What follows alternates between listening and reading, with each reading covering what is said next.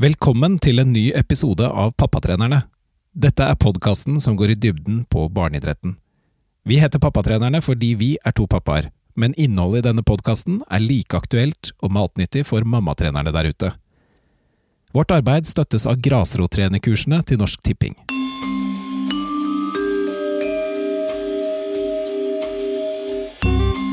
Det er viktigere enn noen gang at vi forstår hvilke utfordringer og behov trenere for barn og unge har i sin hverdag. Vi er midt i runde to med en pandemi som preger forutsetningene for å skape idrettstilbud betraktelig. Vi og våre samarbeidspartnere i Norsk Tipping mener behovet nå er større enn noensinne for kunnskap om barne- og ungdomstrenernes hverdag. Sammen har vi derfor utviklet en stor undersøkelse som nå skal ut til trenerfolket over hele landet. Annet gjennom vår Facebook-gruppe Mamma- og pappatrenerne. Preben Stai er ansvarlig for grasrotrenerkonseptet i Norsk Tipping. Vi ønsker å være med og øke både kompetansen på trenere, men også engasjementet og det å få flere til å være med.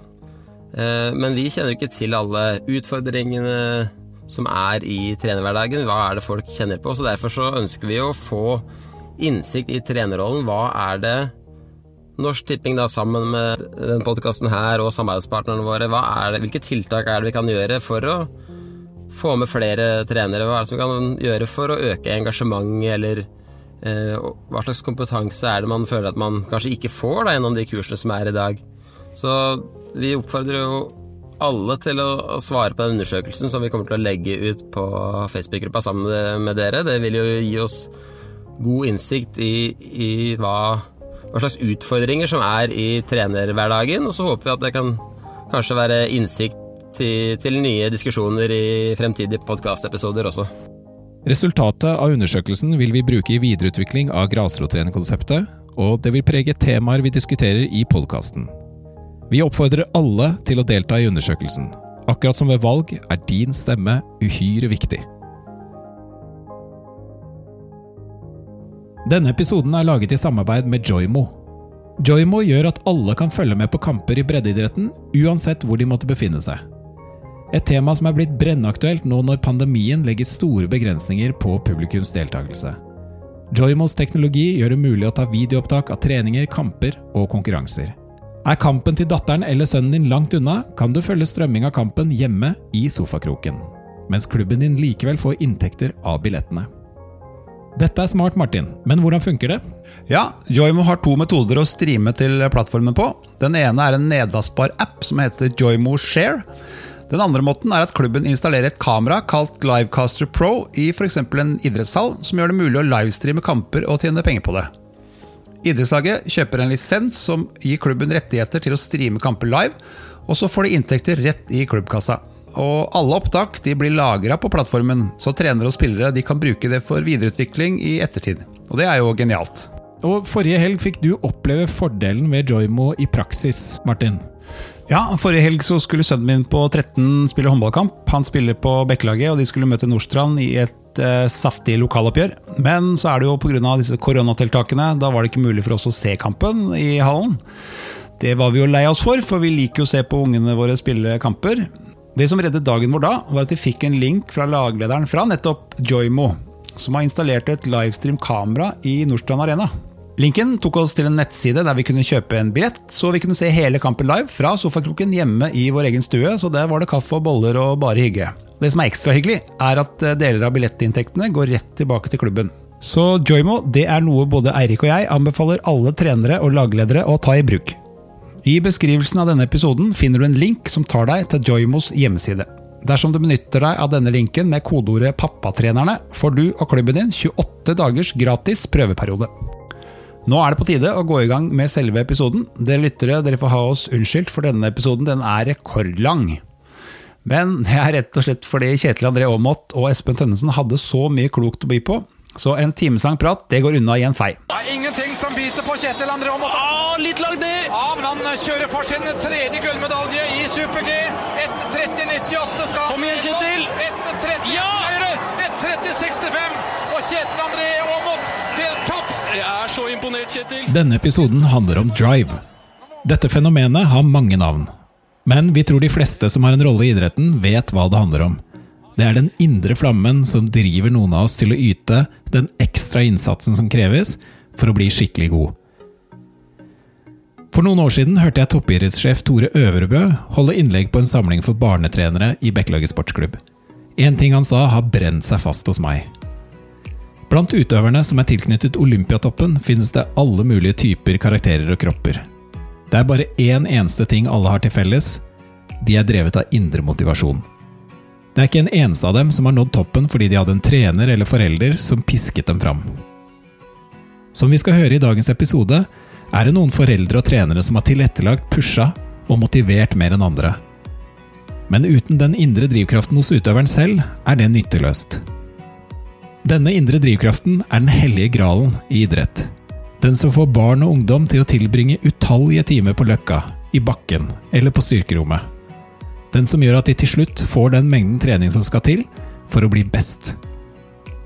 Hvilken rolle spiller vi som foreldre og trenere i dette her? Det spørsmålet vet vi at veldig mange av oss bakser med.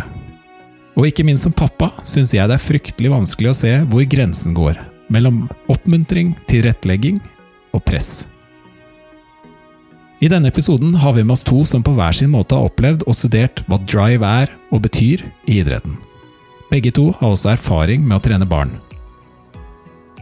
Kjetil André Aamodt har hatt en utrolig idrettskarriere.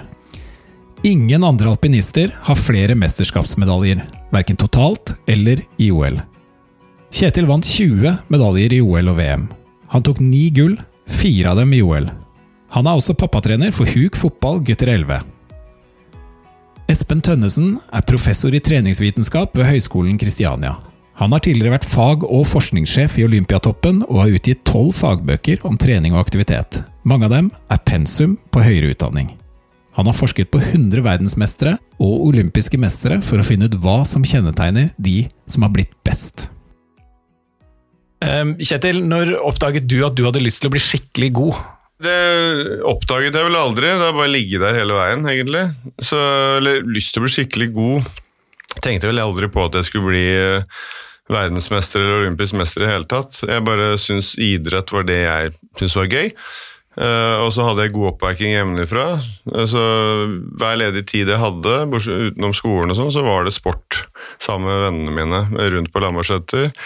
Og det ble jo raskt at jeg begynte å trene ganske sånn regelmessig også. så Hver gang jeg var på Løkka, så, så beherska jeg jo idretten ganske bra, fordi jeg var litt raskere eller sterkere enn de andre som var på min alder.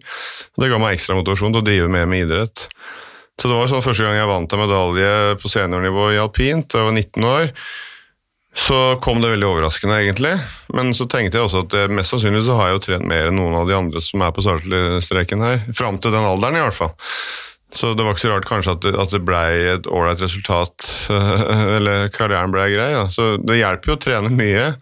Men det er jo ikke bare det heller, eh, nødvendigvis. Men man, man må jo tenke at det må ligge i bånn når man har lyst til å ta det langt. Men, men, jeg har aldri tenkt på når jeg hadde lyst til å bli god i det hele tatt. Men jeg ble inspirert. Jeg så kun på sport på TV hele livet. Jeg så på Sportsspegelen og hadde to svenske kanaler. Sportsrevyen, Lille Sportsspegelen. Ingemar Stenmark var forbildet mitt, selvfølgelig. Så jeg ble inspirert av å se toppidrett, så klart. Eh, men det var ikke noe sånn Fattern satte jo opp mål for meg, selvfølgelig. Eller det er ikke selvfølgelig det. Eh, som jeg mente var urealistiske, egentlig, eh, for hvert eneste år. Men ofte så nådde vi de målene eh, sammen. For det var jo ikke noe tvil om Fattern har jo vært en pådriver og en, en, motivator og en coach og alt mulig for meg. Men øh, han var jo det for søsteren min, da, som også ble veldig god. Men hun hadde litt annen tilnærming til idretten. Hun ønsket å drive med idrett fordi hun ville være en del av det sosiale, ha, ha tilhørighet, kjenne mestring. Uh, hun likte å kjøre slalåm, likte ikke å kjøre alle de andre grenene. Mens fattern var litt mer sånn vi må kjøre alt, det er alle alpinist. Og det, det, med at han var litt sånn svart-hvitt i tilnærmingen, gjorde at for henne så ble det eh, brått slutt når 17-18. Og det hadde det kanskje blitt uansett. Altså, folk er ulike, driver med idrett på ulike, har ulike ambisjoner. og og Det er ikke sånn man blir lykkelig av at man kommer gjennom det nåløyet fra breddeidretten opp i toppidretten. Hvor mange er det egentlig? Det er 99,9% slutter med idretten før de er 20. Uh, og så har de det som hobby, kanskje, da, hvis de er heldige og har valgt en idrett som du kan ha som hobby. Så, uh, så, er det den lille promillen da, som, som kanskje leve, har det som levebrød, eller holder på lenge. Så jeg var en av de heldige, eller jeg var heldig eller uheldig. altså Det er mange skjebner i toppidretten. Så jeg vet ikke om det er noe å anbefale hvis du ikke absolutt vil. da. Men jeg, jeg hadde gjort det samme igjen. Eh, For meg var det det som jeg brant for. så... Men var den indre motivasjonen Ble den skapt av engasjementet til faren din, eller ble den bare forsterket? Den ble bare forsterket. Ja, jeg er ganske sikker på. Det hjalp veldig å ha god veiledning fra, fra foreldrene, og de brukte veldig mye tid da, med, på meg og søsteren min, både mutter'n og fatter'n. Det var det som lå i bånn, egentlig. Og det som jeg har tatt med meg, som jeg pleier å si også, at det viktigste de lærte meg, var at de brukte tid på ungene sine. Eh, og det pleier jeg å si også at Målet mitt med mine barn er jo at de skal bli glad i livet. Og om det er idrett eller den idretten eller noe annet, det er ikke så viktig for meg, så lenge de holder seg unna heroin. Men da blir det vel heroin, da. Kan ikke du si litt om uh, akkurat det med, med oppveksten på Lambertseter og faren din? Dere fikk jo et litt dårlig rykte der. Jo da, vi fikk jo raskt Eller fatter'n hadde nok et dårlig rykte på en måte, men han skapte jo et vanvittig engasjement òg, da. Altså, Leirskalen som ligger i skulderdumpa, det- jeg vet ikke så mye drift der nå, men da var det jo 300 på skiskole der. Vi var 50 stykker i renngruppa. Så du trenger jo folk som har litt engasjement, eh, som skaper lokalt eh, aktivitet. da. Og det er jo egentlig det jeg tenker nå. Jeg er jo sjøl pappatrener nå på Huk fotball. Og jeg, har gått gjennom akkurat samme prosessen som deg i forhold til eh, å tilfredsstille både bredden og de som faktisk vil noe. Det, for det også er litt sånn, Jeg vil vinne kampene, ikke sant? men jeg tenker det det handler om, er jo hver eneste dag her og nå at dem blir så bra som mulig for disse unge. De er ti år gamle. Og at flest mulig lengst mulig er målet for meg hele tiden. Så jeg, jeg har virkelig gått i en prosess i forhold til det, og prøvd alle mulige tilnærminger. Men nå sier jeg kom akkurat når du vil, kom for seg, kom midt i treninga, gå når du vil. Bare spill kamper hvis du vil. Altså Bare bli med, vær en del av gjengen. Det er det viktigste. Så jeg har liksom tatt det helt ned. Og foreløpig så har jeg med meg veldig mange med den taktikken. Og det, de står ikke i veien for de som vil bli gode, de som kommer av og til og bare er med av og til. Altså. Det er, altså, så det, det er helt sikkert. For hvis skal du bli god, så handler det bare om at du må gjøre det sjøl. Altså, altså, eh, Sønnen min spiller også i Vålerenga hockey, og der er det veldig sånn, når vi må opp med oppmøteprosent og sånn, og vi, vi skal lære noe om hockey. Nei, det du skal lære, ha i denne perioden her, det er jo bare å ha gode opplevelser og ha en fin oppvekst og ha en kameratskap. Hvis du skal bli god i hockey, så må du gjøre det sjøl i garasjen. Du må holde på hele tida. Om du er to, én eller tre ganger i uka på trening med Vålinga, det gjør jo ingen forskjell. Så la gutta få holde på på sitt nivå eh, så lenge som mulig. Det er i hvert fall det jeg har sagt inn i foreldremøtet. Altså, Det hjelper ikke å presse altså, Det er 29 gutter på 2009 i Vålinga, og så, så sier man jo at gullalderen i hockey er fra 6 til 10. De er ti år allerede, og- og 27 av de spillerne er jo ikke i nærheten, sånn som det ser ut nå i hvert fall. Og Det er jo helt feil. Altså, det er mulig at, han har rett, at man har rett i at gullalderen er der, men det er jo ikke, det er masse unntak. Altså, Du kan jo bli god eh, om du begynner seinere, og, og det er så langt løp. ikke sant? Det er klart det er en fordel å begynne tidlig, det er ikke noe tvil om, men det er ikke helt avgjørende. Og det viktigste er jo å ha en fin gruppe, som, eh, og de som blir gode, de blir gode. Så, altså Bredden står ikke i veien for toppene. Det er i hvert fall sånn som jeg ser det.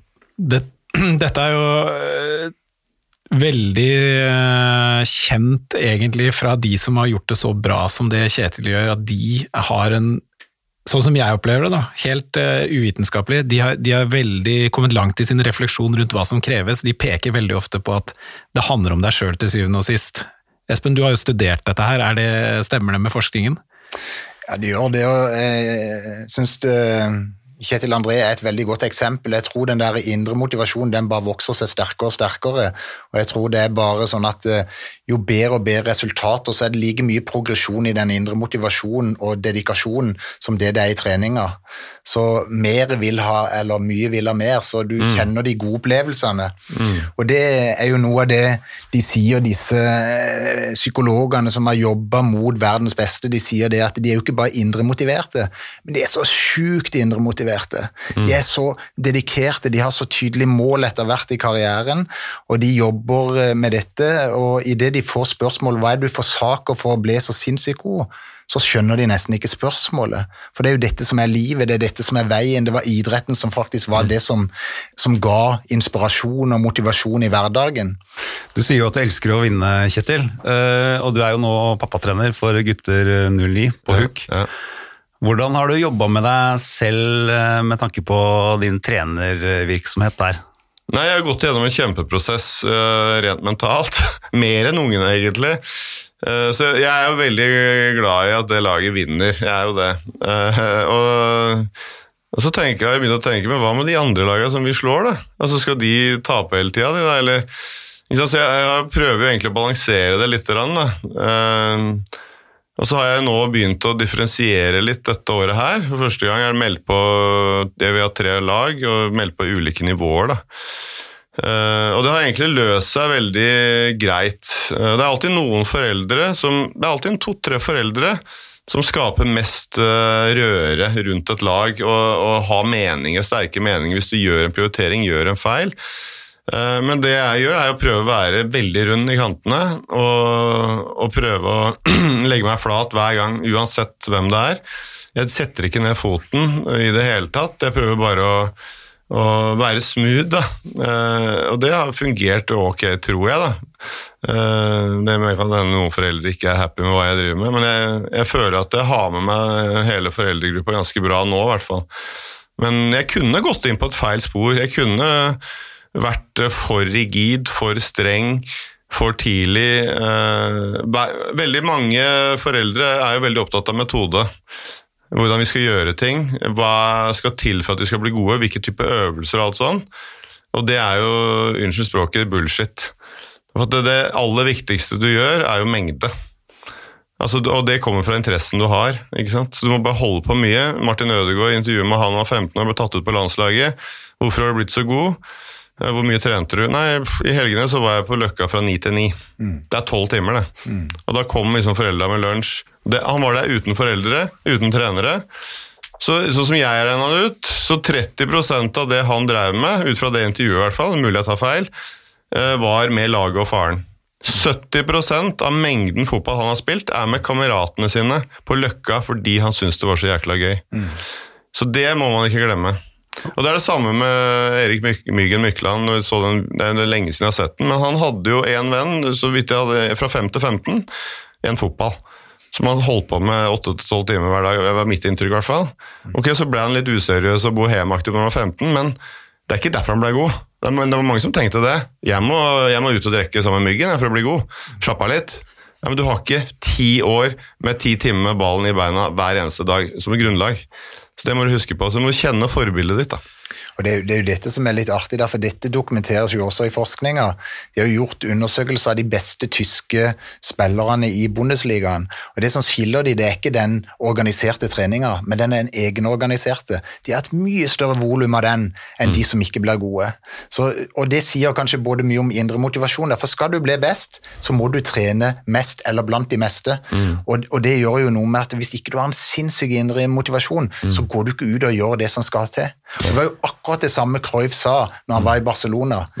Jeg ble ikke god av de tre organiserte treningene i uka, men jeg ble god av de 30 timene jeg var på Løkka i uka. Ikke sant? Men da er spørsmålet når, når eh, kan vi kjenne igjen den driven hos, eh, hos barn og unge? Altså, I hvilken alder begynner de typisk? Jeg vet at Særlig gutter kanskje har en drive mot fotball og løkka, og, og, og det er på en måte en, nesten en naturlig omgangsform for dem. Kanskje mindre nå enn før, men i hvert fall var det sånn da jeg vokste opp. Vi ble ikke nødvendigvis gode av det, selv om vi var sinnssykt mange timer nede på grusbanen og, og tuppa, tuppa den ballen rundt. Det var ingen av oss som ble fotballspillere, vi, vi var ikke i nærheten engang.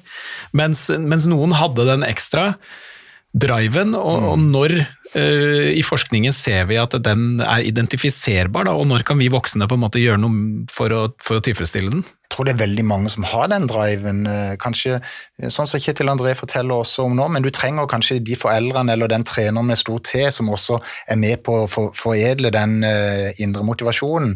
Og Det er jo det som kanskje vi snakker litt for lite om. Hvordan eh, heller vi bensin på den indre motivasjonen istedenfor å kvele den indre motivasjonen? Altså Hvordan opptrer vi som foreldre som trenere, nettopp for å få dette til å blomstre. For eh, der kan en jo ta Kjetil André eller en kan ta Ingebrigtsen-brødrene. Det er jo tydelig at selv om de er kontroversielle fedrene, så har de jo helt bensin på den indre flammen. Så det er jo resultatet. De som får eh, ungene til å slutte tidlig, da har de sannsynligvis, eh, hvis ikke det ligger sjøl iboende at ikke du vil, så har i hvert fall ikke de lykkes der. Og Det kjenner en jo igjen på egne barn også. Hele tida den der kampen. Hvordan skal du være med og helle bensin på den indre motivasjonen? Og Der gjør vi mange ting i beste mening, men det er ikke alltid det virker sånn som vi skal. Og Det er det som er herlig å høre på Kjetil Andreu, når du da reflekterer over eh, alle de valgene du tar, på hvordan det virker på guttene, jentene eller den gruppa du har. Og det tror jeg, Den refleksjonen skulle flere hatt. Ja, nei, altså jeg, jeg tror man må behandle alle litt ulikt jeg, i utgangspunktet, for at de skal nå sitt potensial, uansett hva det, hva det er, egentlig. Men det er ikke noe fasit her. og det er jo, ikke sant, Gjert, uh, Fattern pleier å si Gjert, vet du, han er blåkopi av meg. Han. han men han har jo andre barn som ikke driver med idrett også, og det tror jeg er helt greit for han. og så jeg tror, jeg, men jeg tror også at fattern var veldig ung, han, han tilegna seg veldig mye kunnskap. Eh, Så jeg tror at I utgangspunktet så kan du gjøre veldig mye feil som foreldre som trener, men så lenge det er en god hensikt i bånn, og det er kjærlighet i bånn, så, så kan du gjøre veldig mye feil, og det går bra likevel. ikke sant? Jeg pleier alltid å referere til Agassi sin far, som, som var klin gæren, men i boka skriver Andrew, Andrew Agassi at han var gæren, ja. Han, veldig sprø, men jeg kjente jo at han ville mitt beste. Han var, liksom, ikke sant? Og så hadde han en kompis som hadde en pappa som var businessmann, som kjøpte treneren. Det gikk ikke bra, verken som tennisspiller eller som menneske. Så det der med tidsperspektivet og at du bare er der Men så er det, samme, er det litt sånn som eh, den hjernevasken til Harald Eia, hvor han konkluderer med at han trodde det var veldig mye miljø, men det er mye mer arv enn du skulle tro. Eh, Ifølge, uh, ifølge det programmet der, i hvert fall. Veldig mye mer. Så han sa du må bare gi, følge opp ungene dine, være til stede, sørge for at du følger norsk lov, gi dem medisin og rent vann. Det blir, blir det de blir med de er 19 år uansett. Det er, det er mye mer gener enn du skulle tro, men i idretten da, så har du, liksom, du har, noen idretter så har du høye, lave folk, noen er tregere, noen er raskere. Du kan bli best allikevel. Eh, eksempel i fotball ser du jo veldig mange forskjellige typer mennesketyper. Selvfølgelig fordel å være stor og rask, ingen tvil om det, men du har andre typer der også. Eh, Men skal du bli raskest på 100 meter i verden, så er det jo veldig mye gener. Mer enn i en del andre idretter, som er en blanding av tekniske ting, taktikk, eh, mentale ferdigheter. Alpint er en idrett hvor veldig mange mennesketyper gjør det bra. ikke sant? Så det, Der var jeg heldig sånn sett. For jeg, jeg føler ikke at jeg er noe spesielt talentfull fysisk i det hele tatt. Helt uh, average, egentlig. Og, men i og med at jeg trente så mye som jeg gjorde, så ble resultatet ok. Eh, Men jeg følte at veldig mange som jeg vokste opp sammen med, som aldri ble idrettsfolk, var større fysiske talenter enn det jeg var. Men de hadde ikke det fokuset og denne interessen som jeg hadde for idrett. Om, og det hjalp nok hadde, og det, og det hjalp nok at jeg hadde fatteren der. Eh, Det fokuset ble mer eh, dratt i riktig retning, kan man si. da. Så det er klart at Hvis de andre som jeg så, som var mine kamerater, som var raskere enn meg, spenstigere enn meg, hadde hatt fatteren som far, så kanskje de hadde vært blitt enda bedre alpinister enn det jeg hadde blitt, hvis de hadde hatt hodet til å følge det opplegget. da. Kan du si litt om hva faren din gjorde sånn konkret? Eh, Jeg husker noe snakk om noe pushups og situps. eh. Ja, ja, nei, så Det var jo daglige rutiner veldig tidlig. For han likte jo å trene sjøl, så han tok med meg og søsteren min ut på Men det var ikke som altså Fra ganske sånn syvårsalderen, da. Da hadde vi sånn daglige rutiner med pushups 100, situps, øh, rygg og, og knebøy. Bare sånn uten vekter. Og så hadde vi yoga. Pluss at vi løp veldig mye. Veldig mye intervaller, mye melkesyre. Fikk sorbits, løp rundt på Ekeberg, rundt der. Og de tidene jeg løp på da, altså det, det Jeg er ikke i nærheten nå. Det var, det var mye. Eh, men jeg, jeg var bare helt punch. Jeg løp med den stoppeklokka, syntes det var jækla gøy. da. Søsteren min likte jo ikke den type melkesyretrening på samme måte. Men som jeg sa, da jeg, var jo på Løkka når jeg var ferdig nå, fatteren, så gikk jeg på Løkka i, i mange timer etterpå. Fotball hele sommeren og ishockey hele vinteren. Uh, til det var liksom helt blå på tæra på vinteren. Altså, det var det jeg likte å gjøre. Men hadde jeg ikke gjort det, så hadde jeg aldri blitt en idrettsmann. Og da var jo verken fattern der eller noen andre. Så det var bare at uh, det likte jeg å gjøre. Og søsteren min var jo ikke på Løkka på samme måte. Hun, hun, men hun likte jo å drive idrett, hun. Ble jo kjempegod, var 100 eller unna junior-NM-gullet bak Kjørstad, som senere vant bronse i senior-VM. Men, men det ble litt svart-hvitt for henne, så skal man, man skal være litt forsiktig med å, å kjøre samme paraplyen over alle, tenker jeg da. Men eh, har du i ettertid tenkt eh, at eh, den ikke-organiserte treningen, den som du ikke gjorde sammen med faren din, eller i organisert form, er eh, Altså har, har betydningen av den økt for deg, når du ser tilbake på, på hva som skapte karrieren din? Ja, den, den, ja, ja, den er helt avgjørende. Men det var en fin synergi, da. Begge deler. Det er viktig begge deler. Begge deler var veldig avgjørende for at jeg ble Jeg hadde jo aldri drevet med alpint uansett hvis det ikke var for foreldrene mine. For at Du er helt avhengig av foreldre i noen idretter. Alpint er en av de, hvor du må ha utstyr, du må ha heiskort, du må dra vekk, det koster masse penger. Vi hadde ikke penger, egentlig. Hvis ikke det hadde vært Ja, men jeg hadde, jeg hadde jo begynt med fotball. Jeg hadde jo blitt uh, satsa fotball. uh, av egen fri, for det var det jeg likte mest, og det, det var jo veldig lavterskel. Du kunne bare gå utafor huset, jeg holdt på hele tiden. Men da hadde jeg mest sannsynligvis uh, blitt høyrebekk på Nordstrand i fjerde divisjon, da, ikke sant? Altså, fordi øh, Eller vet man jo aldri, men altså, i fotball er det jo sånn som jeg merker nå på huk altså, Du møter jo lag du aldri har hørt om som er så dritgode i fotball at det er helt sjukt. Det er jo den største arenaen, det er knallhard konkurranse. Du sier at du var på Løkka hele tida. Men øh, det er noen i Brasil som var dobbelt så mye på Løkka som deg, og spilte uten sko på et underlag som var helt vanvittig, med mer påvirkning enn på det kunstgresset kanskje du spilte på, eller det var kanskje ikke det når du vokste opp, men Det var grus.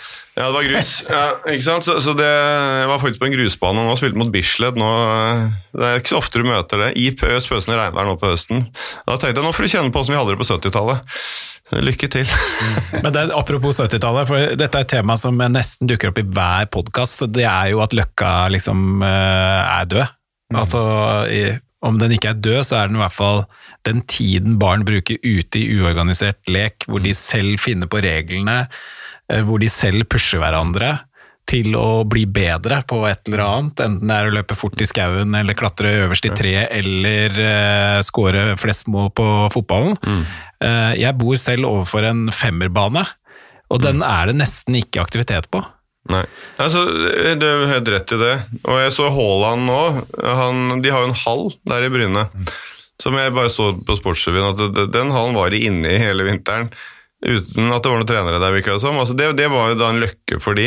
Så det er helt klart at han har helt sikkert vært uh, like mye på Løkka som Ødegaard, mest sannsynlig. Så det er noen steder, men jeg føler kanskje i Oslo spesielt, da, det området, at det er, det er litt mindre løkkekultur. Men jeg tror nok det er noen løkker her og der, og det er kanskje de du ser i Eliteserien. Mest sannsynlig, vil jeg tro. Men, men uh, du har helt rett. Og nå er det sånn at alle spiller på et fotballag nå. Uh, de beste spiller også på Løkka. På 70-tallet var det motsatt. ikke sant? Da spilte alle på Løkka, og de beste i tillegg på lag. Det var egentlig, så det er liksom den forskjellen. Men det er jo det er vel utfordra to ting. Det er vel øh, den skjermen, jeg altså den telefonen, og at vi faktisk er for involverte. Organiserer for mye, føler jeg egentlig. Så under koronatiden da, så var det jo første gang jeg har sett unger begynte å henge litt i trærne på hjørnene og begynte å bevege seg ut og begynte å ringe på til hverandre. Så det var noe positivt i det. Men eh, det er så, men eh, det er klart den skjermen tar veldig mye av den tiden. Om det er negativt eller ikke, det vet jeg ikke. Jeg føler at ungdommen eh, klarer mer enn vi gjorde egentlig. Altså I sum, de er på skolen, de er flinke overalt og, og får med seg det meste. Veldig mange, i hvert fall. Men jeg tror nok du er inne på noe der, for de som blir best til slutt, de er like mye på løkka som det en var tidligere. Men det er et mye større klasseskille. Det er de som gjør det, og de som ikke gjør det. Før gjorde stort sett alle det. Så jeg tror, eh, hvis vi virkelig vi er, vi er jo den første generasjonen som foreldre som lever opp med disse skjermene, og vite hvordan vi skal håndtere dette med den egenorganiserte aktiviteten, hvordan få de ut. Det er ikke lett å ta eget barn ut når ingen andre, andres barn er ute.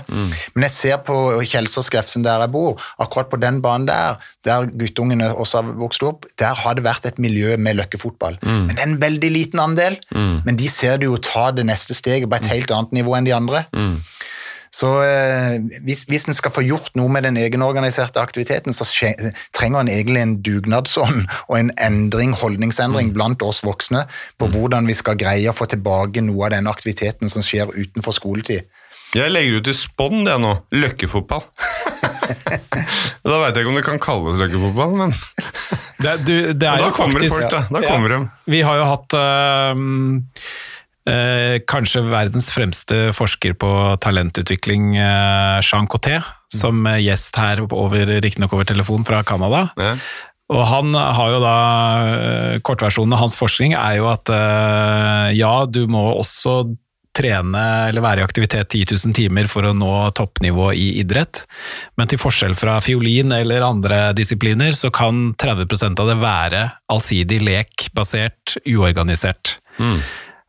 og han gjorde sin forskning da på den generasjonen eh, som, eh, som vokste opp da det fortsatt var Løkke. Mm. han sier at den store forskjellen nå er at nå må egentlig voksne tre inn og organisere uorganisert aktivitet. Altså han sier at man, det er bedre å erkjenne at den tiden ikke kommer tilbake, og heller tilrettelegge for det.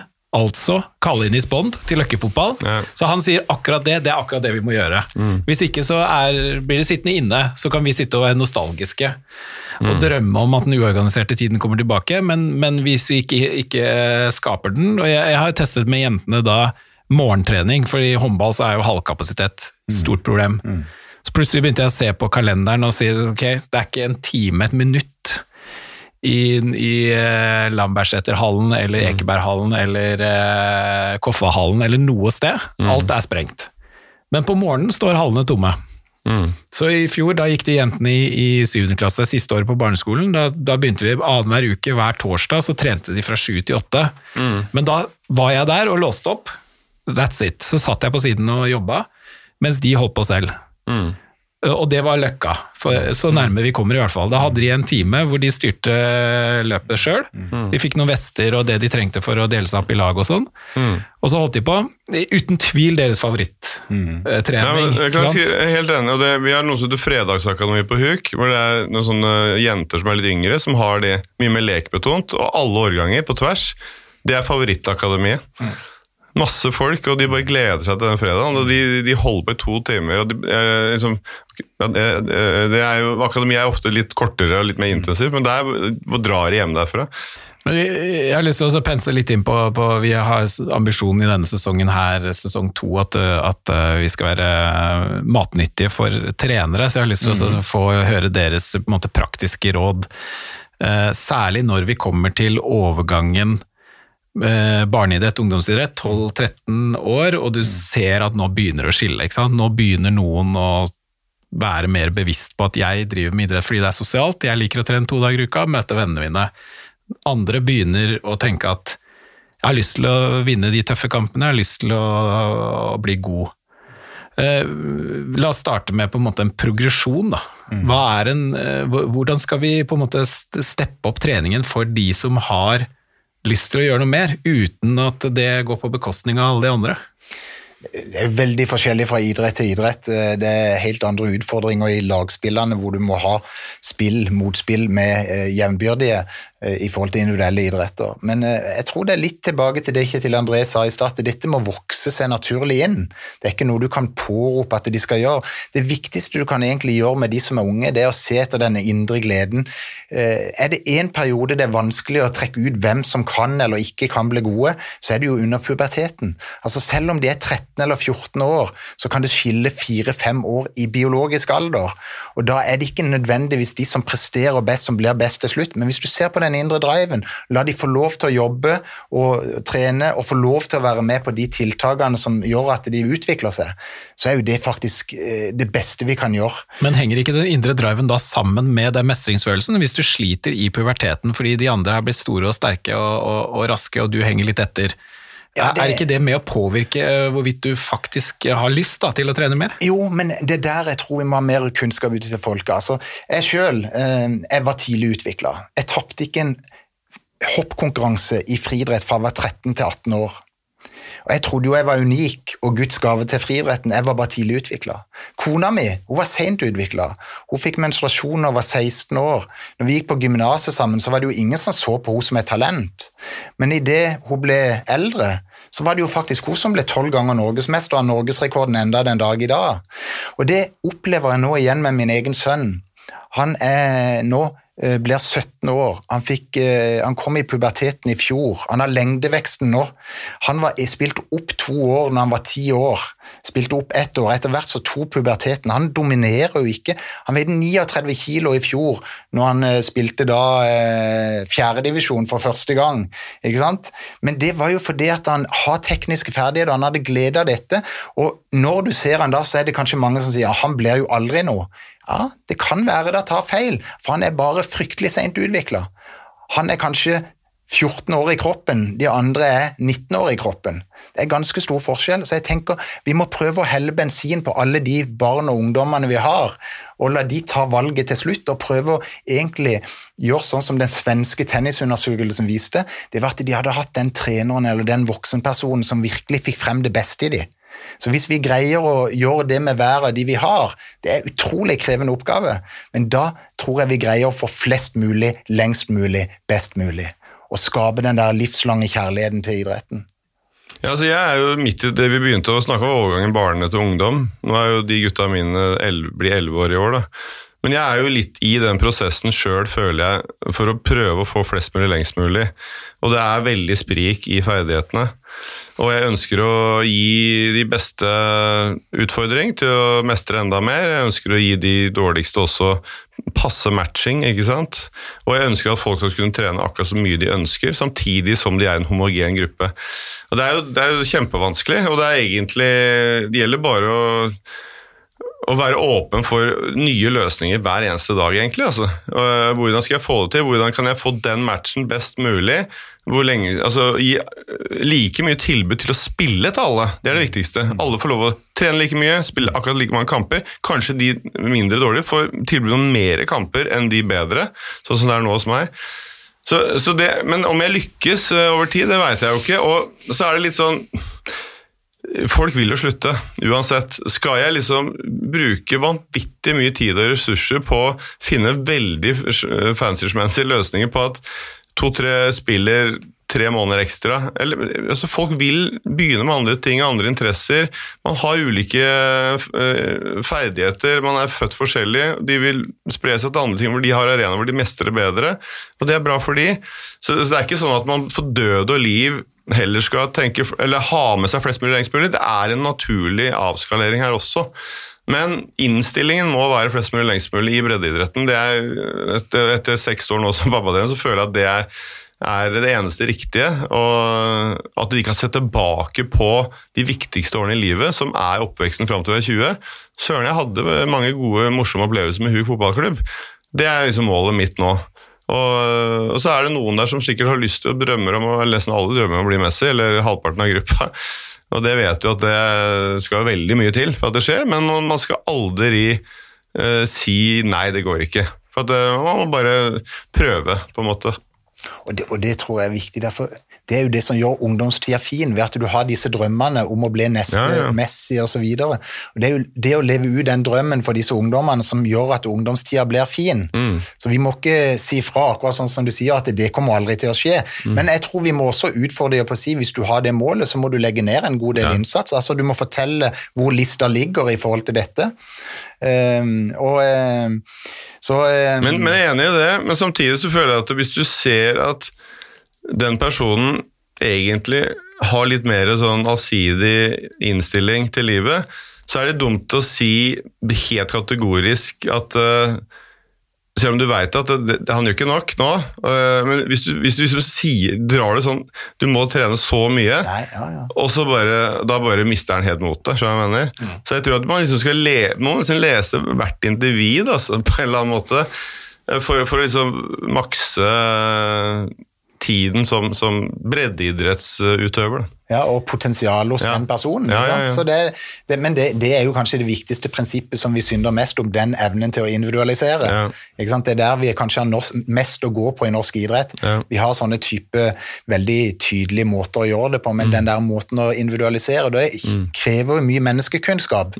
Hvilke knapper skal du trykke på mm. for å få det beste ut av dem? Ja, det mellommenneskelige er ekstremt viktig, ikke sant? og det ser du jo mellom Leif og Karsten òg, hvor viktig den relasjonen er for å utvikle. Du er jo kjent på, på, på, Leif også hvor god han er med de beste på å få ut det beste akkurat der og da. Og da kommer han jo inn på dette som du sier med ungdoms... eh, Skal du spesialisere, eller skal du drive allsidig? Ikke sant? Og det, det er så mye diskusjoner rundt det der. dere. Jeg syns det er alt, overdreven mye diskusjoner rundt det. Og eh, Bare for å vise betydningen av det. Ikke sant? Hvis vi ser allsidighet gå på at du velger idrett veldig tidlig, at du må velge én idrett, eh, og du får ungdommen til å ta det valget når de er 12 eller 13 eller 14, så ser vi på Ingebrigtsen-brødrene. Jakob valgte tidlig. Henrik valgte når han var 16, da vant han hovedlandsrenn i langrenn. Eh, Philip han spilte på kretslag i fotball. De har hatt vidt forskjellige veier, og det skiller til slutt to sekunder på 1500. Altså, Hvor viktig var egentlig den faktoren? ikke sant? Og for eh, Forskninga til KTI viser jo at det kanskje den allsidige veien er den som er best for flest mulig, lengst mulig, og kanskje gir også best resultat. Men jeg tror ikke det er store forskjellen på den spesialiserte. Det er bare at for den store norske befolkning, eller internasjonale befolkning, så er den veien eh, mindre kritisk, fordi at det, du lærer deg å beherske andre typer idretter. Du får flere relasjoner med andre personer som gjør at du har verktøy i verktøykassa når du blir eldre, til å utøve flere idretter og ha det mye bedre. Så ikke sant, Tenk sånn som du når du kan mestre hockey, alpint, fotball, volley, altså masse arenaer. Hvor kjekt har du det ikke også når du blir voksen? Ja, det det er det jeg har tenkt for mine barn. Bare lære noen idretter som er livslange. Ikke sant? Så, var det, så datteren min, eller eh, kona mi, drev med rytmisk gymnastikk. Når du legger opp rytmisk gymnastikk, så gjør du det aldri igjen. Altså Hun drar ikke til Bulgaria med venninnene sine og driver med ball og ring og sånn. Ikke sant? Men hun har begynt med dans, da. så hun har jo dansa i 20 år. Så det er jo, det er jo noe å ta med seg, det òg, men det har jo da datteren vår begynt med. Men hun kommer jo aldri til å ha det som hobby. Hadde du begynt med tennis, og så blir en ålreit tennisspiller, så har du det som hobby hele livet. Eller seiling, eller alpint, eller det er ganske mange idretter. Så det har jeg tenkt, da. Det er lurt å velge en idrett som man kanskje kan ha som hobby, og som en glede. Det er det kanskje det viktigste. Så får det bli som det blir med toppidretten. Men hva syns eh, Finn om at du eh, ville drive med noe annet enn alpint? Men fattern, si at når jeg hadde spilt en fotballkamp, så kom han eh, og henta meg. Nå skal vi trene, Kjetil. Det du har drevet med nå, er ikke trening. Høyt, så alle hørte det. Og da var det på Ekeberg å løpe runder, syrerunder. Nei, altså, så han Nei, altså jeg, Allsidighet. Jeg, jeg likte jo å drive all mulig idrett. Og jeg tror du kan velge en idrett og trene allsidig. Du kan ha mange idretter og trene ensidig. Så det er ikke noe i veien for å bare gå Du blir god på det du trener på. Og så spesialisering av allsidighet er jo på en måte litt misforstått av og til. Hvis, du, hvis jeg bare drev med alpint, er jo det en idrett hvor du trener veldig allsidig. Alle de grunnleggende ferdighetene du trenger i alpint, det er, det er så allsidig. Det er koordinasjon, balanse, hurtighet, spenst, eh, maksstyrke, utholdende styrke, kondisjon. Alt sammen. Så vi trente veldig allsidig som alpinister, så jeg hadde egentlig ikke trengt å drive med så mange idretter i utgangspunktet. Svindal har ikke drevet så veldig mye med andre idretter, men han trente jo allsidig, og han sier også at du må stå mye på ski for å bli god på ski, og det har, har han rett i. Og du må spille mye fotball skal du bli god i fotball, men du kan jo trene veldig godt og allsidig som fotballspiller, men du trenger ikke å bli god i tennis ved siden av, mest sannsynlig blir du da en dårligere fotballspiller. Så det er som du sier, altså, det er ikke så stor forskjell på om du Noen har trent veldig allsidig, noen har mindre allsidig. Men det viser jo at det, kanskje idrettenes egenart har noe å si for når du må begynne spesialisering. Altså, Løping er jo medfødt. altså Fra du kommer ut av magen til, til mor, så begynner du å krabbe og gå og etter hvert løpe. Så du løper jo egentlig etter ballen og du løper til skolen, og du løper jo egentlig hele livet uten at du driver friidrett. Og Derfor har du jo mange eksempler at det folk kunne starte med løping når de var både 18 og 20 og 25 år og faktisk ble gode. Eh, fordi de har trent på det uten å trene på det. Og syk sykling er vel kanskje enda mer. enda mer der. eh, hadde Dagotto Anders- var vel 23 Ja, før de ja. har satt seg på en sykkel. Så, så det er bare, du skal bare trå rundt og tåle smerte. Og Knut Anders Fostervold, som, som jeg trente, han var 33 da han begynte. Han var i VM når han var 5-36. Ja. Så, så, så, det, så det er mulig. Mens uh, tar du kona di i forhold til RG, Mm, eller, mm. så, så, så kan du ikke begynne når du er 15, altså. Da er karrieren over, da.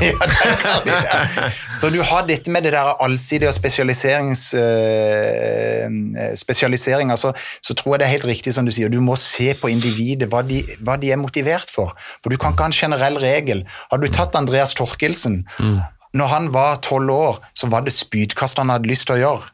Og så var det skapt en ramme rundt spytreninga som var ganske variert i forhold til det han gjorde da. Men det å få han til å drive flere idretter, det, det hadde vært helt bortkasta. Det hadde vært å ta fra han hele lysten, for det var ikke det han ville. Så du må se individet opp i dette her. Så Derfor så er det ulike veier til rom. Dette med tilbake til talenter, så kan du si Leif Ola som er sprinttrener og, og trener Karsten og trente Geir og, og, og Martin osv. Han sier jo det, velg for, foreldre med omhu. Ikke sant? Derfor det talentet. Du er født som en sprinter, eller så er du ikke født. Du kan ikke trene deg til å bli en sprinter. Men i disse, og det er jo en medfødt bevegelse, det å løpe, mens ontogenetiske eller tillærte bevegelser som alpint eller hoppe stav eller gjøre andre ting, der ligger du så mye mer mulighetsrom i forhold til det å trene. Så da må du ha mye, mye større volum i det du gjør, og det er det som er mye mer avgjørende om du lykkes eller ikke. Mens på sprint, Usain Bolt, altså, han kunne nesten ha gjort hva han ville. Han, han hadde nesten ikke trengt å trene, han hadde, nesten, han hadde kommet til OL uansett, altså. Og Man, det, det, det er så mye genetikk og så lite trening, og så snur du det om på de andre idrettene. Martin, du som er uh, friidrettstrener, dette tar du med en gang, ikke sant? Med, når, eh, når man begynner. Når foreldrene kommer, så sier sorry, altså. Det her er det Det ikke er, noe håp. eh, der borte er det fotball, det er nok bedre for dere. Nei, sier som Leif Olav Alnes eh, har sagt eh, i 30 år, skal du løpe fort, så må du løpe fort. Og det er en eh, viktig huskeregel. Og så er det, eh, spesielt når det gjelder kanskje sprint, så ligger jo genetikken i bånn der, veldig. Men jeg har lyst til å snakke litt om eh, hvor sunt er det Altså, altså Hvor mye er det sunt for et barn å trene? Er det noen begrensninger der, Espen? Du som har forsket en del på det. Jeg tror, tror overhodet ikke det ligger begrensninger der. Også hvis du ser på egenorganisert og organisert aktivitet, fra du er født, så er det nesten jevnt 30 timer i uka. Det er bare at den der endringa er fra at det mindre og mindre blir egenorganisert, og mer og mer blir organisert. Så du kan si jeg tror den der kroppen vår er fantastisk til å tilpasse seg. Så det er egentlig i de, de casene du har hvor folk ikke har fortsatt med den egenorganiserte, da blir det tøft for de å trene mye, fordi de har ikke den basen i bånn. De er ikke trent for å trene. Og jeg tror kanskje det er noe av det som har vært unikt også med det du forteller, Kjetil André, at du trente så mye at du tålte nesten hva som helst også når du ble eldre, av de spesifikke intensive tingene, derfor du hadde gjort så mye når du var ung. Jeg er helt enig. Jeg tror det å være trent for å tåle mye trening er alfa og omega. Men men jeg tror, som vi har vært, vi er jo inne på det, du sier det mer eh, skoleriktig når du sier de tingene du gjør i forhold til genetikk, i forhold til hvilke idretter du kan trene mye og få mye ut av det. Eh, Så det, det er på en måte interessen som må ligge i bånn hos de som har lyst til å ta det langt. Da. Og så må man liksom veie opp Eh, hva, hva er det, Hvilket liv vil man ha, på en måte, eh, i forhold til mengden? da. Eh, hvor mye er det sunt at et barn trener? Og Der kan jo foreldrene styre ganske mye. Og Jeg tror at det er veldig viktig å få med seg skole og venner, og alt sånn, og det, er ikke noe i veien for at man kan få det til, og gjerne det sosiale gjennom idretten. Så det er som du sier, altså Mange som spør hva forsaker du idretten, har jeg forsaka noe? Jeg har jo hatt det jævla gøy. Så, så Det er jo den der trivselen som begrenser egentlig aktiviteten. Så lenge man trives, så kan man egentlig holde på hele døgnet. Bare man får, får i seg mat og, og sover godt. Det eneste utfordringa som er, som, som jeg ser det, det er idet du går inn i puberteten. For da er det plutselig sånn at guttene de får naturlig dop, de får testoen inn, så kroppen utvikler seg så vanvittig. Så vektbærende aktiviteter og eksplosive ting, får du for mye av det da, så går du i stykker. Så da tror jeg det er lurt å ha noen eh, gode, kunnskapsrike trenere som greier å ta ned den intensive delen. Ikke for at du skal gjøre mindre, men for at du skal gjøre de riktige tingene i den fasen. Og jentene motsatt, altså de får da hormoner som gjør at de får fem kilo vektvest med pupper og lår, som gjør at den relative styrken reduseres. Så det at du tar ned da kampaktivitet, intensiv aktivitet, men erstatter det med noe annet. For den viktigste grunnen til at folk ikke fortsetter med idrett, som har valgt en prestasjonsretning, det er at ikke de utvikler seg. Så vi må jo sørge for at de trener så godt at de er i kontinuerlig utvikling.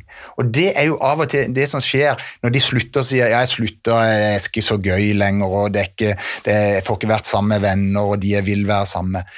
Men hvis du spør dem, slutta du når du hadde en god sesong? Nei. Ja, Slutta du når du hadde en dårlig sesong, eller to dårlige? Ja.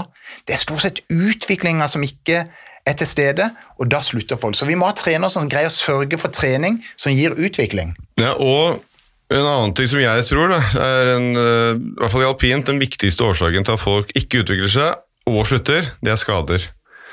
Eh, Og det henger kanskje litt sammen. Det, er, det er jo litt det du sier med de jentene. Ja, ja, liksom feildosering. Og hvis, hvis du er i puberteten i endring, så er det lettere å få skader. Så da er kunnskapen mye, mye viktigere hos trenere, hos foreldre, enn kanskje fram til den alderen. For da handler det mer om å bare eh, gi en high five og bare du, dri, klappe og juble og liksom, bare være positiv, egentlig. Og Det var, var det jeg sa til guttungen òg, når alle de andre gikk. Han hadde turte ikke å gå inn i dusjen med de andre. ikke sant? Det var sånn. Så jeg, men du, du har en unik mulighet nå. Disse årene hvor ikke du er i puberteten, så kan du trene mye mer enn de andre hvis du ønsker. Men du får ikke igjen for det akkurat nå. Og ikke sant? Jeg så jo at han syntes det var vanskelig, men jeg ser jo hvordan han blomstrer i dag når plutselig musklene begynner å komme og, og, og, og sånn. Så jeg tror hvis vi greier å snakke med både guttene og jentene om de problemene eller utfordringene når kroppen er under ombygging, så er det så mye ting som skjer både fysisk, men ikke minst mentalt, på hvordan du tenker. Kan du komme på noen perioder der du har tenkt at nå gidder jeg ikke mer? Altså i ungdommen, når eh, Nei, aldri. Nei, og, og, Altså, jeg, jeg, det var, jeg ble bare mer og mer motivert, egentlig. eh, Jo dårligere det gikk.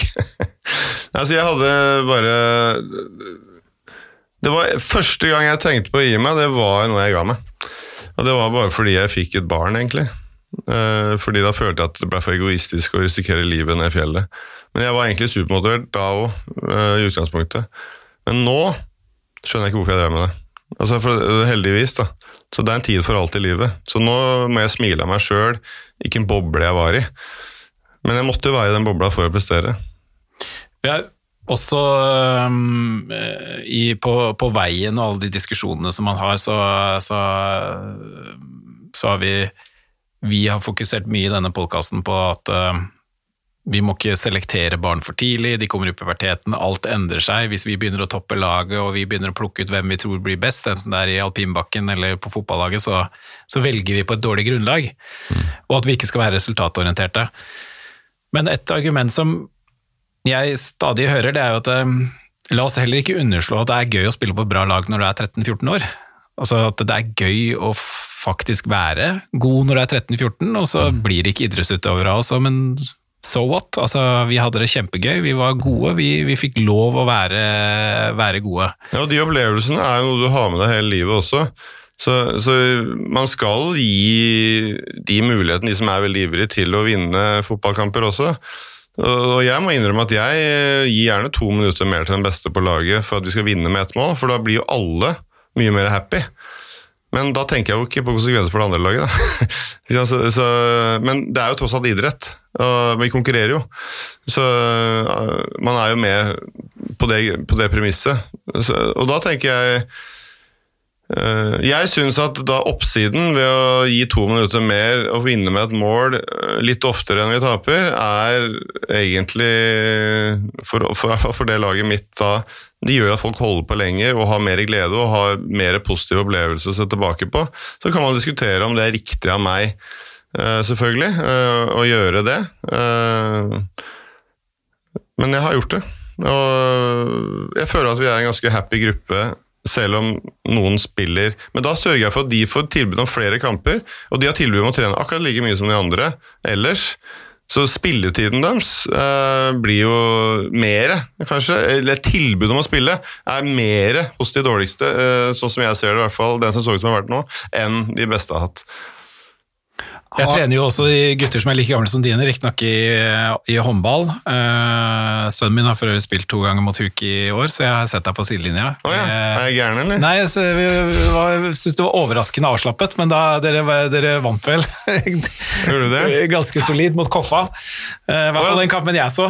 Ja, ja, det stemmer det. Vi hadde vi spilte åtte treningskamper mot dere. Ja, Tapte én. da.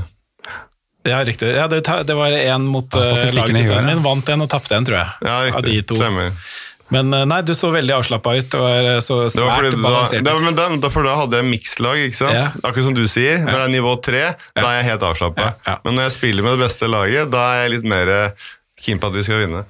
Kjenner jeg. Men, men det er jo litt feil av meg, da. Men det er menneskelig, kanskje? Jeg vet ikke. Men det som har slått meg, er at eh, vi har veldig veldig fokus på det som du sier der, at uh, og, og trenerne vil vinne kampen, bruker den beste spilleren noen minutter lenger. Um, og så glemmer vi alle de uh, store valgene, f.eks. Uh, hvem får mest tilbud om å spille, er mye viktigere, sånn som jeg ser det, enn om eh, vi innimellom lirker til sånn at vi faktisk vinner den kampen. Det er i hvert fall jeg har sagt til meg selv, at så lenge jeg ved de store veivalgene alltid kan stå inne med de valgene jeg gjør, så kan jeg ta noen sånne Denne kampen skal vi vinne. Selv om de er gutter 11. Nå, nå, nå bruker vi de beste spillerne ett minutt til. Så lenge jeg kan stå inne for de store valgene som gjør at det er et rettferdig tilbud, jeg bruker like mye tid på de svakeste som de sterkeste, så, så kan jeg det. Men hvis det valget kommer på toppen av en dårlig behandling eller urettferdig behandling av, eh, i gruppa, da blir det feil, selvfølgelig. Ja, fordi jeg føler at øh, en annen idrett altså, De er ganske øh, kategoriske på lik spilletid. Men der syns jeg de store valgene på en måte ikke har vært uh, nødvendigvis de beste for gruppa. Da. Så, så jeg, jeg, heller, jeg har heldt mot det samme som deg, eller gjort det samme som deg. Uh, så i år har jeg på en måte gitt uh, La oss kalle de som er på en måte mindre ivrige, satte de opp på to serielag, mens de ivrigste har ett serielag. da. Så de har i utgangspunktet tilbud om å, spille dobbelt så mange kamper, men de er jo ikke, foreldrene der er ofte henger litt sammen. De er ikke så ivrige, og de melder seg ikke på. Så jeg må da, men jeg er også veldig kategorisk til å si at nå er det så få som melder seg på, så nå, da må jeg hente fra de andre allikevel. da. Men de har i hvert fall fått tilbudet. Hvis det, har dere noen konkrete råd for å skape motivasjon hos eh, barn og unge som kanskje trenger den lille ekstra piffen? Ja, det jeg har gjort på huk, da, det er at jeg stort sett gjør det de har lyst til på trening. Så jeg, sånn at vi har sånn rigid oppvarmingssystem, eller og, og, altså Den ser ut som en saueflokk før kamper. og sånn. Jeg må plukke folk Nå begynner kampen. altså eh, Tips er egentlig det. Å gjøre, mest mulig av det de har lyst til. Eh, og bare eh, alle treningsplaner og kurs og at du skal gjøre det på den måten. Hvis ikke det er noe de smiler av, så finn på noe annet. Men jeg tenker jo at det, det som er viktig sånn, fra barne- til ungdomsidrett, er jo det at det er stor aktivitet. Det er virkelig leik eller artig. Og at, eh, at eh, har du det i sentrum, eh, så har du i stor grad lykkes. Det er altfor ofte du ser at det er liten aktivitet, eller at folk ikke har smilet på lur. Og da har du ikke lykkes. Så eh, Derfor så tror jeg det er helt andre trenere kanskje som lykkes i barne- og ungdomsidretten enn det som er på voksenivå. Altså Det trenger ikke være samme type person. Og eh, Jeg drev jo som trener eh, for, for litt eldre folk også, og Leif Olav og jeg har datter på samme alder, og vi drev jo på alltid nede i gymsalene nede på idrettshøyskolen og sånn, og så sier han til meg, og jeg ble jo litt fornærma da, ja men Espen, du er jo mye bedre med unger, du burde jo være der, ikke sant, du er jo, du får jo fram latteren, du skaper jo leiken og alt dette. Jeg tenkte jeg, faen, hva er det han sier til meg, ikke sant? Men når jeg tenker litt i ettertid, så var det kanskje riktig. Det var der jeg burde ha vært. Det var den der eh, sørlandsonkelen som du var, for å, for å skape stemninga og lage den gode atmosfæren der når de var unge, som kanskje var mitt ståsted. Men det var ikke noe, det var ikke noe prestisje å være der. Det var ikke der eh, meritteringa lå. Og det er jo kanskje noe av det vi må gjøre i idretten. Vi må merittere det å få til faktisk gode barne- og ungdomsmiljøer med, som greier å få flest mulig lengst mulig, og best mulig. Og honorere det. Se på hvem greier å skape utvikling, hvem greier å få med flest mulig hele veien. Og være mer opptatt av det. Og det er kanskje andre personlige egenskaper du trenger da, enn når du skal være på toppnivå. Kanskje utfordre på et annet nivå. Jobbe systematisk, implementere en del, bygge et eh, treningsmiljø på en annen måte. Og det, men det jeg vil gjerne si også, er at før alt dette her, som er mye viktigere, det er jo god oppførsel og godt kameratskap og nulltoleranse for mobbing. Det må ligge i bånn. Altså. Det, og det, det jobber vi med hver dag, i hvert fall på huk der, for å få det til. Jeg synes jo, øh, av og til så, jeg har alle øh, pedagogiske innfallsvinkler i den gruppa, for det er en ganske krevende gruppe. Og de kakler og de holder på. Men så har jeg begynt å se det litt sånn fra utsida, bare stått og sett på, selv om jeg har blåst i fløyta, der hvor kakla går. tenkte jeg, får en herlig gjeng òg, da. Altså Så mye engasjement, og de prater og de ler og de holder på. Selv om de egentlig skulle holdt kjeft nå, så lar jeg det bare gå litt. Og så, og så setter jeg i gang en aktivitet, som, i hvert fall når jeg er yngre, som gjør at 80% følger med. Og da kommer de andre. Så du må bare sørge for å ha et, et program da, som gjør at det, det er gøy nok til at de faktisk kommer, selv om? De, de er liksom på nabolaget og prater om alt mulig annet. Istedenfor at det liksom skal bli sånn Ja, prøv det òg, da. Bli sånn skikkelig forbanna og blåse høyt i den fløyta. Det føler jeg, Da føler jeg at jeg hadde drept gleden eh, hvis jeg hadde fortsatt sånn. Altså. Og for det aller viktigste, at du ser tilbake på ungdomstida på en positiv måte.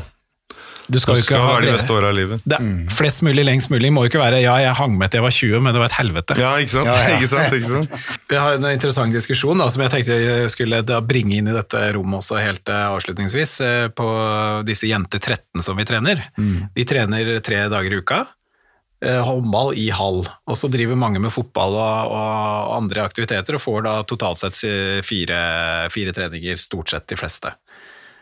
Men jeg ser jo da at de har behov for også å trene fysikk, fordi nå begynner høydeforskjellen å bli så stor, og mange av de har nå en forståelse av hva som kreves, men de får det ikke til fordi at de mangler fysikken. Og så har jeg stilt spørsmålet da, skal vi begynne å trene? Styrketrening litt håndballspesifikk, ikke bare generell styrketrening, selvfølgelig skadeforebyggende og pent og pyntelig, men noe som er mer målrettet på det flytte beina raskere i forsvar, bli stødigere, ikke sant? men også trene kast, eh, muskulatur, være litt, litt grann mer rett på ballen og si at nå trenger eh, noen av jentene dette, og jeg vet at de har lyst til det. De er motivert for det. Ja, Hvorfor kan de ikke trene? Jeg, jeg, jeg syns der er en altfor forsiktig i forhold til hvor mye folk trener. Altså Trene fire ganger i uka, det er jo ingenting. Hvis målet er en prestasjonsretning, så er jo det ingenting. For noen er det jo det. Det Jo, men da tenker om. jeg, da er det mer eh, med tanke på at du skal holde på lengst mulig. Mm. Men for de som ønsker å ta et steg, så er jo fire ganger i uka fryktelig lite. Mm. Eh, Så, men jeg tenker igjen, da må en gjøre fornuftige ting i forhold til vekst og utvikling. Altså, Hva er det smarteste grepene og treninga du kan gjøre akkurat i den alderen? Den alderen som du aldri får igjen, og den treninga som virker best både på prestasjon og uten at du blir skada.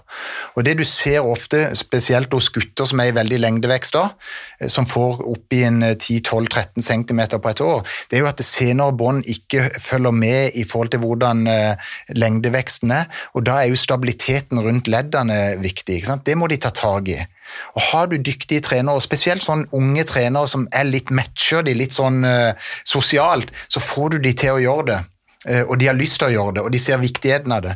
Jentene som også blir eh, lavere relativ styrke, hvis de putter på en del maksimalstyrke på beina, så gjør det noe med hormonproduksjon, og det gjør noe med at den relative styrken ikke, ikke faller i bånn, men faktisk kommer opp, som gjør at de blir mindre skada og presterer bedre. Altså Du må være litt målretta med den type trening som gjør at de gjør noe utenom som er bra for dem for ikke å bli skada og for å prestere bedre.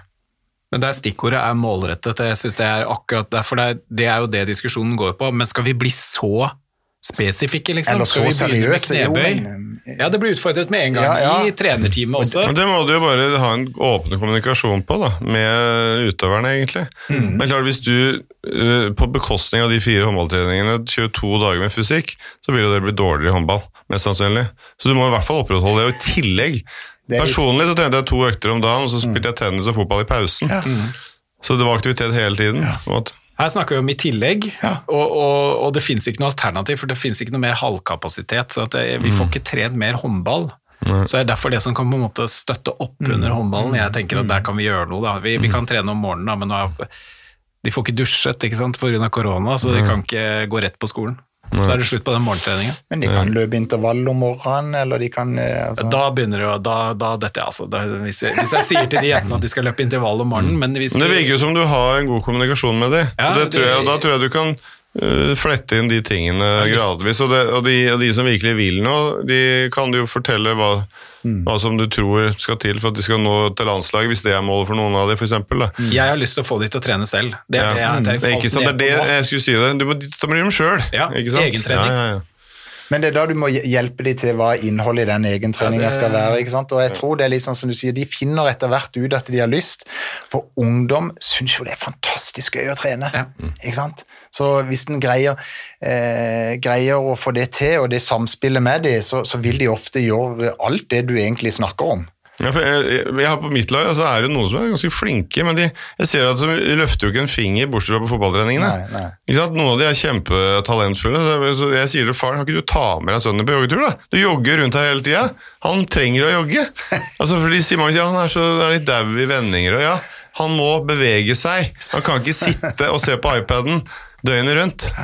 Der er du inne på noe viktig. Er det det er ingen snarvei her? Er det ingen Jeg skal, jeg skal, jeg skal sjekke. Er det ingen apper? Men der er du inne på noe viktig, og det er liksom det eh, samarbeidet med foreldrene som vi var så vidt innpå i stad. Hvordan, altså Vi som trenere, eh, vi trener jo barn som er fra 7 til eh, 16 år. Eh, og vi eier jo en del av påvirkningen som trenere. Men hvor viktig er dialogen med foreldrene, og hva kan vi gjøre for å påvirke barna i positiv retning via foreldrene, sånn som du snakket om nå, Kjetil? vanvittig viktig. Altså, det er forskjellen å ha foreldre som motspiller og medspiller. Og eh, jeg tror, Etter det jeg har hørt Kjetil André snakke om nå, så er det ofte den der kommunikasjonen. Det å ha nok kommunikasjon, nok informasjon, nok involvering som er nøkkelen til å få det til. De gangene ikke den involveringa ligger der, så blir det ofte den motspilleren. Disse voksne, disse foreldrene, vi er jo foreldre også, vi vil jo barna vårt det beste. Og så lenge vi har, eh, får en god argumentasjon og vi får en god involvering og vi ser at det er gode intensjoner bak det opplegget, så selvfølgelig vil vi jo vi bare stå og applaudere på, på sidelinja. Så jeg tror en sånn god oppgave til foreldrene er å informere dem, men samtidig utfordre dem. Kan vi ha en gruppeoppgave nå hvor dere nå skal fortelle, dere skal nå etterpå få ti minutter sammen og diskutere hvordan skal dere bidra til at dette treningsmiljøet fungerer? Hvordan skal dere bidra? Så skal vi trenere gå her og si hvordan vi kan bidra. Og så matcher vi dette. Jeg tror vi altfor sjelden har den type dialoger som gjør at eh, du får, eh, får blir, har en fellesnevne og blir faktisk dra dette lasset sammen. Helt enig, eh, men samtidig så, så vil det da veldig ofte ha veldig mange ulike meninger blant de foreldrene. Mest sannsynligvis hvis det er tolv foreldre, så er det tolv forskjellige.